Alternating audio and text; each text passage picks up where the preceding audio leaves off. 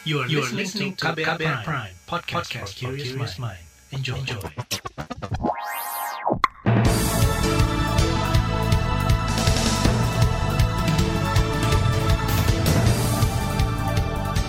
Halo selamat pagi saudara, Anda mendengarkan Buletin Pagi hari ini edisi 17 Februari 2020, saya Reski Mesanto. Pagi hari ini seperti biasa sejumlah informasi telah kami siapkan untuk Anda. Di antaranya, khawatir jadi ladang pencucian uang, DPR minta LPI di audit BPK. Pemerintah mengklaim tak akan mengubah undang-undang pemilu dan pilkada, dan tingkat keterisian pasien di Balikpapan capai 80 persen. Bersama saya Reski Mesanto, inilah Buletin Pagi selengkapnya. Terbaru di Buletin Pagi. Saudara, pemerintah membentuk lembaga baru pengelola investasi. Presiden Joko Widodo yakin dengan adanya LPI, maka pengelolaan investasi di Indonesia akan semakin baik. Jokowi menyampaikan itu saat memperkenalkan jajaran Dewan Direksi LPI kemarin. Melalui keberadaan INA, kita akan mengurangi kesenjangan kemampuan pendanaan domestik dengan kebutuhan pembiayaan pembangunan. INA akan menjadi mitra strategis bagi para investor, baik dari dalam negeri maupun dari luar negeri, agar tersedia pembiayaan yang cukup untuk program pembangunan, khususnya program pembangunan infrastruktur nasional. Presiden Jokowi mengatakan pembentukan lembaga pengelola investasi di Indonesia sangat terlambat dibandingkan negara-negara lain di dunia seperti Arab Saudi, Cina, dan Singapura. Negara-negara itu kata Jokowi telah membuat badan investasi puluhan tahun lalu. Sehingga saat ini, negara-negara tadi mampu membiayai pembangunan negaranya. Sementara itu, saudara, keberadaan lembaga baru turunan dari Undang-Undang Cipta Kerja ini membuat khawatir banyak kalangan. Kasus pencucian uang, kasus korupsi One Malaysia Development eh, Berhad atau One MDB kerap jadi contoh. Apalagi dalam salinan peraturan pemerintah tentang LPI, audit dilakukan kantor akuntan publik atau swasta dan bukan oleh Badan Pemeriksa Keuangan atau BPK.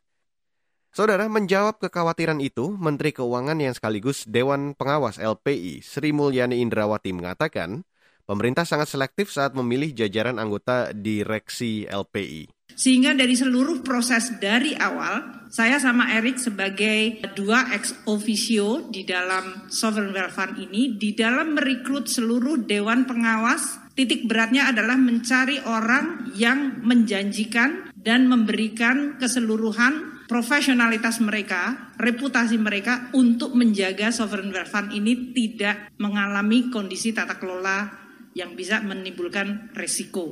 Menteri Keuangan Sri Mulyani mengatakan unsur profesional di Dewan Pengawas LPI memenuhi komitmen dan berintegritas. Sementara itu, saudara, terkait pengawasan Komisi yang membidangi keuangan DPR menekankan audit keuangan LPI harus dilakukan Badan Pemeriksa Keuangan atau BPK, bukan kantor angkutan publik. Anggota komisi yang membidangi keuangan DPR, Didi Irawadi Syamsuddin khawatir LPI menjadi bancakan korupsi jika audit keuangan dilakukan oleh pihak independen. DPR meminta LPI transparan kepada publik, termasuk melaporkan arus kas secara berkala. Suatu lembaga, apalagi pengelola investasi yang sangat besar begini, harus diawasi begitu. Di sini ada fungsi DPR, sementara pengawasan teknis itu oleh oleh Badan Pemeriksa Keuangan. Kalau pengawasannya kurang, ya tidak optimal dengan regulasi yang optimal resiko sangat sangat besar ya apalagi Indonesia uh, keuangannya tidak semapan negara-negara maju ya. Anggota komisi yang membidangi keuangan DPR dari fraksi Partai Demokrat Didi Irawadi Syamsuddin menambahkan, DPR akan mendorong agar LPI diaudit oleh BPK. Dia tidak ingin LPI akan berakhir seperti lembaga pengelola investasi di negeri jiran Malaysia atau 1MDB yang dijadikan sebagai ladang pencucian uang oleh pemerintah era Perdana Menteri Najib Razak. Saudara, Lembaga Memantau Ekonomi Indef menyebut lembaga pengelola investasi LPI harus diawasi transparansi dan akuntabilitas. Direktur Indef Tauhid Ahmad menyebut, potensi praktik korupsi masih terbuka meski telah dibentuk Dewan Pengawas LPI. Tauhid khawatir jika semua dalam kontrol pemerintah, mekanisme check and balance tidak maksimal Tapi dengan kewenangan yang terlalu besar tanpa ada yang mengawasi secara independen itu juga uh, menurut tidak pas gitu. Karena bisa di luar kontrol itu ya, di luar kendali. Nah ini yang pengawas independennya tentu harus didefinisikan apakah orang independen atau lembaga independen atau memang pihak yang ditunjuk untuk mengawasi secara independen begitu dan tidak apa tidak maksudnya itu baik agar uh, kualitas pengawasannya itu jauh lebih uh, baiklah. Direktur Indef Tauhid Ahmad juga meminta pemerintah memastikan LPI produktif. Menurutnya, LPI bisa disebut tidak produktif jika dana investasi yang masuk kebanyakan berasal dari pemerintah. Sementara investasi di luar pemerintah Indonesia malah sedikit. Kata dia, investasi finansial dan infrastruktur harus seimbang sehingga berdampak baik untuk perekonomian Indonesia. Saudara BPOM terbitkan izin darurat untuk vaksin COVID-19 produksi PT Bio Farma. Informasi selengkapnya sesaat lagi, tetaplah di Buletin Pagi. You're listening to KBR Pride, podcast for curious mind. Enjoy!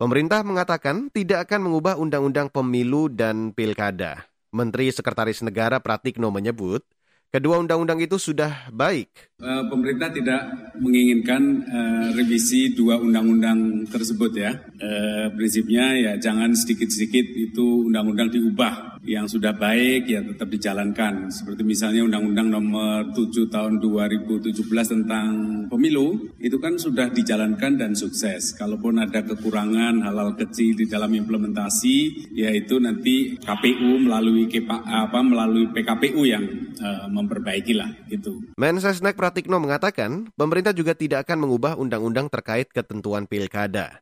Dia beralasan, aturan pilkada yang terbit pada 2016 itu baru akan dilaksanakan pada tiga tahun mendatang.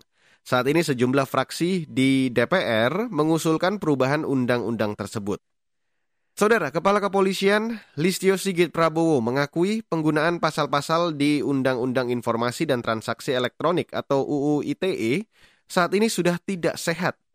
Menurut Sigit, undang-undang itu justru kerap digunakan untuk saling menyerang pihak tertentu.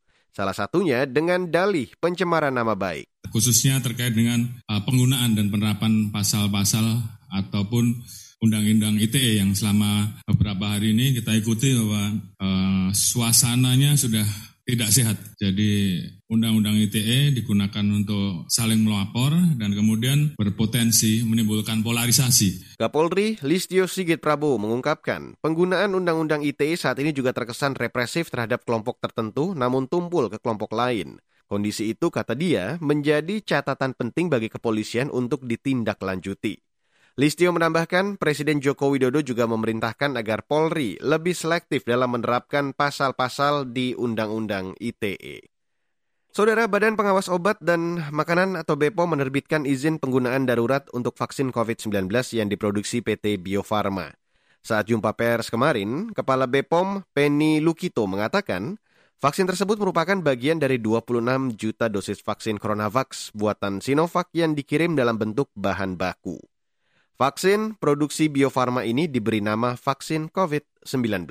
Walaupun vaksin ya COVID-19 yang diproduksi di PT Bio Farma ini sama kandungan dan profil mutu khasiat keamanannya dengan vaksin CoronaVac yang diproduksi di Sinovac Beijing yang telah diterbitkan emission authorization-nya dan sudah e, berproses dalam program vaksinasi. Namun ya e, ini membutuhkan eh, pengujian ya, evaluasi khusus dan pemberian mission authorization yang terpisah karena adanya perbedaan tempat produksi. Kepala Bepom Penny Lukito menambahkan, tahap awal Bio Farma akan memproduksi 13 juta dosis vaksin COVID-19. Vaksin tersebut akan diberikan kepada petugas pelayan publik dan lansia. Beralih ke informasi ekonomi, saudara pemerintah menyatakan kebijakan pengurangan pajak penjualan atas barang mewah atau PPNBM bakal membuat pemerintah kehilangan penerimaan negara dari sektor otomotif. Sekretaris Kementerian Koordinator Bidang Perekonomian Susi Wijono menyebut, potensi kehilangan tersebut mencapai sekitar 2 triliun rupiah. Kami dengan teman-teman uh, di Kemenperin dan Kemenkeu kemarin sudah membahas, kita bikin simulasi dengan pengurangan BPNBM ini uh, uh, potensial penurunan revenue-nya barangkali ada di angka 1, sekian sampai 2,3 triliun untuk BPNBM yang di dua segmen kategori tadi. Sekretaris Kemenko Perekonomian Susi Wijono optimis dampak positif yang didapat dari kebijakan ini bakal lebih besar seperti meningkatnya pembelian kendaraan bermotor. Sementara itu, Direktur Riset Core Indonesia, Peter Abdullah memprediksi stimulus pembebasan pajak penjualan atas barang mewah belum mampu mendongkrak konsumsi mobil. Alasannya, sasaran dari kebijakan pemerintah ini adalah kendaraan dengan target menengah ke bawah yang saat ini terdampak ekonominya akibat pandemi COVID-19. Kita beralih ke mancanegara, saudara. Malaysia bakal memulai vaksinasi virus corona nasional pekan depan. Perdana Menteri Malaysia Muhyiddin Yassin menargetkan vaksinasi terhadap 80 persen dari total 32 juta penduduknya. Menurutnya, vaksinasi menyeluruh ini untuk memastikan terjadi kekebalan kelompok. Tujuannya penyebaran infeksi COVID-19 bisa dihentikan dan mengakhiri pandemi. Malaysia akan menggunakan vaksin buatan Pfizer dan BioNTech yang akan tiba pekan ini. Malaysia bahkan berencana menggratiskan vaksinasi untuk warga asing termasuk pekerja migran. Beralih ke berita olahraga, saudara. Pemain yang tampil di gelaran turnamen pramusim Liga 1 2021 berpeluang mendapat prioritas vaksin COVID-19 dari pemerintah. Saat ini pemain yang tampil di kompetisi Liga 1 dan Liga 2 belum masuk daftar atlet yang terverifikasi sebagai penerima vaksin. Penyebabnya, kompetisi belum juga diresmikan bergulir. Rencananya, Liga 1 2021 akan dimulai 20 Maret sampai 25 April mendatang. Sejauh ini, Kemenpora hanya mendaftarkan pemain timnas Indonesia serta tim pelatih untuk divaksinasi. Saudara, laporan khas KBR tentang desakan menghapus pasal-pasal karet di Undang-Undang ITE akan segera kami hadirkan. Tetaplah di Buletin Pagi KBR. You're listening to KBR Pride, podcast for curious mind. Enjoy!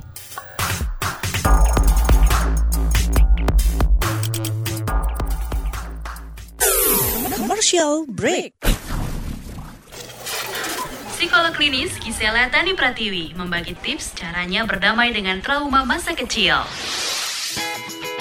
Uh, ayah atau ibu saya mengata-ngatai saya dengan kalimat tertentu. Misalnya kamu bodoh, misalnya katakan gitu ya. Itu terngiang terus sama saya, itu dampak emosinya apa ke saya?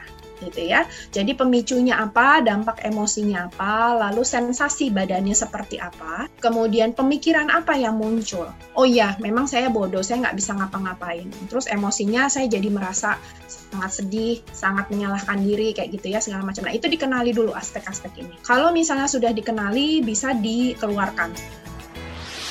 Simak obrolan selengkapnya dalam podcast Disko Diskusi Psikologi dalam episode Berdamai dengan Trauma Masa Kecil di kbrprime.id dan platform mendengar podcast lainnya.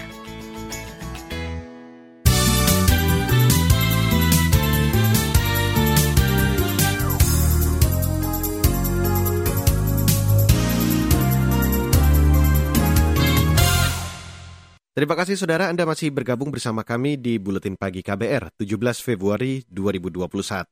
Saudara, pemerintah dan DPR didesak untuk segera merevisi pasal karet di Undang-Undang Informasi dan Transaksi Elektronik atau UU ITE. Hal ini lantaran UU ITE yang kerap dijadikan senjata untuk membungkam kebebasan berekspresi masyarakat. Pasal-pasal karet ini dinilai mesti dihapus agar tak ada lagi korban yang dijemput polisi karena menyuarakan pendapatnya. Berikut laporan yang disusun jurnalis KBR Astri Septiani. September 2019 lalu, aktivis sekaligus jurnalis Dandi Dwi Laksono ditangkap lantaran cuitannya mengenai kondisi kerusuhan di Papua yang terjadi akibat tindakan rasialisme.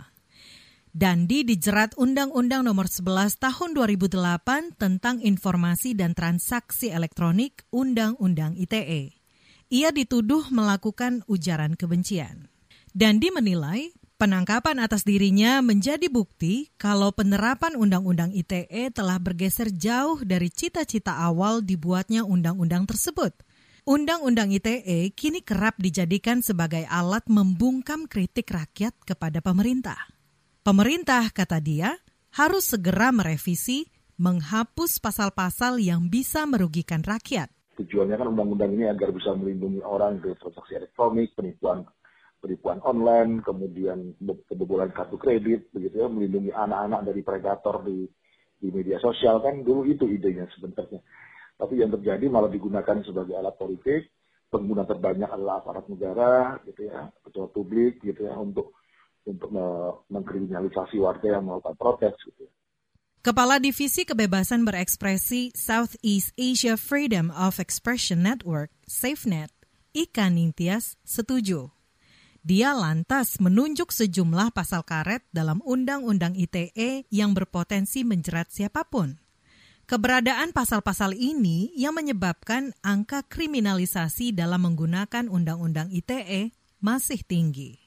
Nah, Safenet sendiri selama ini uh, menilai beberapa pasal yang bermasalah gitu ya atau yang menjadi pasal karet itu antara lain di uh, pasal 27 ayat 1, kemudian di pasal 27 uh, eh, ayat 3 itu tentang pencemaran nama baik, kemudian ada pasal 28 ayat 2 itu tentang ujaran kebencian, kemudian uh, pasal 28 ayat 1 gitu ya uh, tentang kabar bohong uh, konsumen gitu.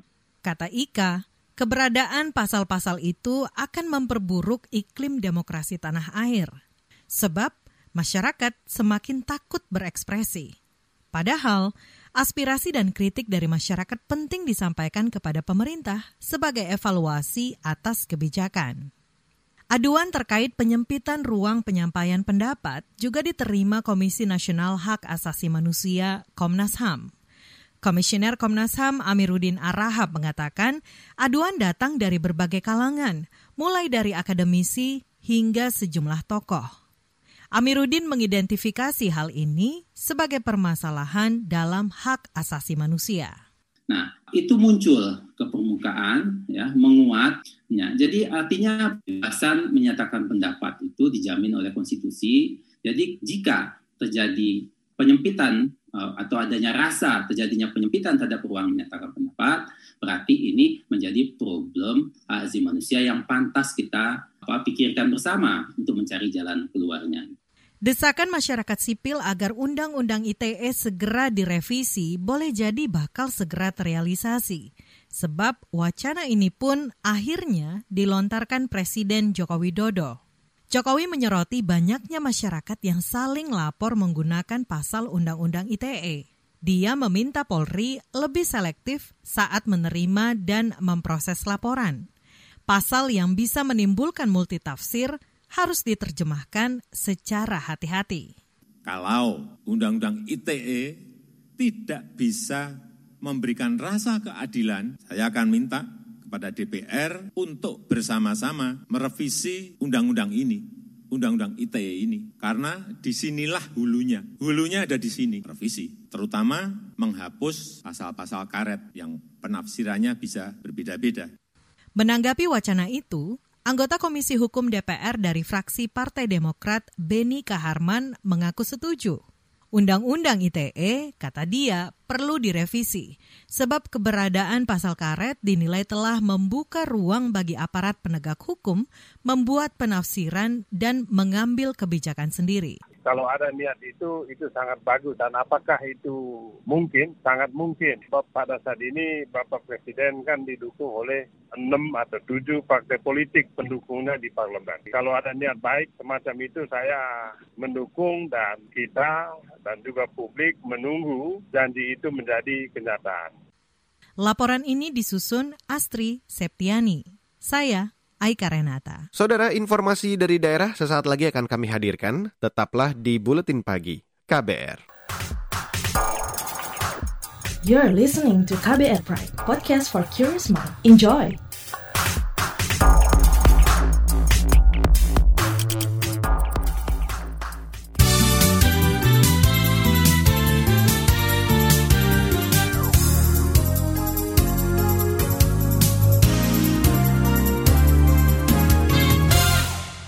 Saudara, Anda mendengarkan bagian akhir dari Buletin Pagi KBR hari ini, 17 Februari 2021.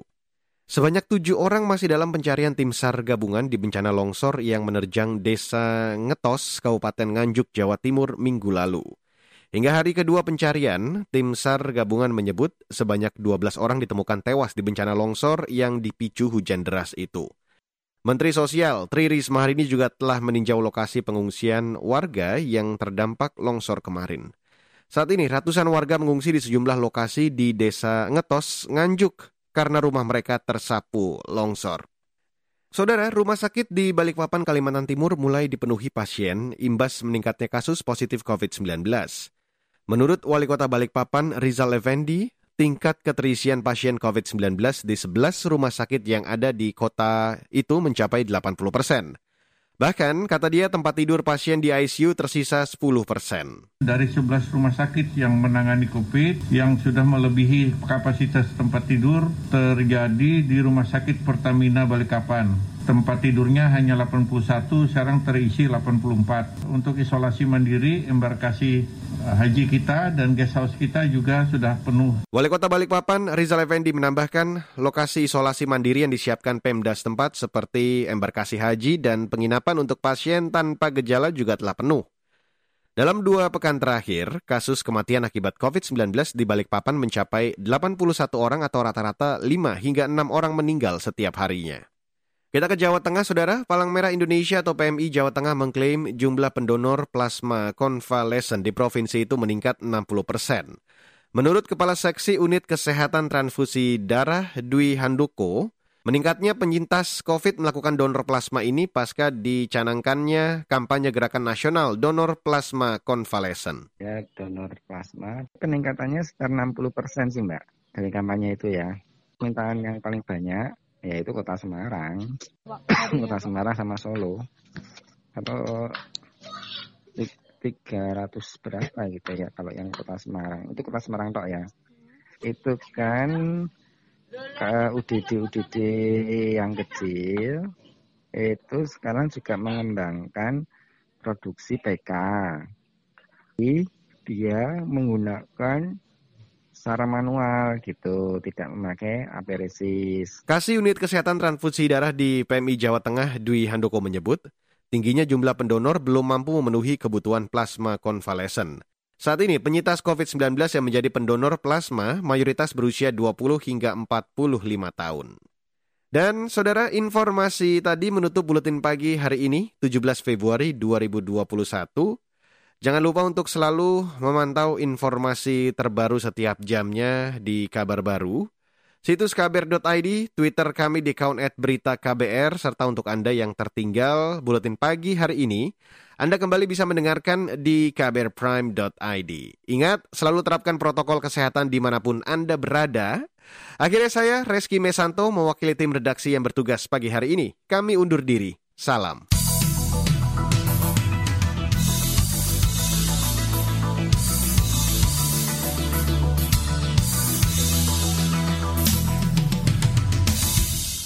KBR Prime, cara asik mendengar berita. KBR Prime, podcast for curious mind.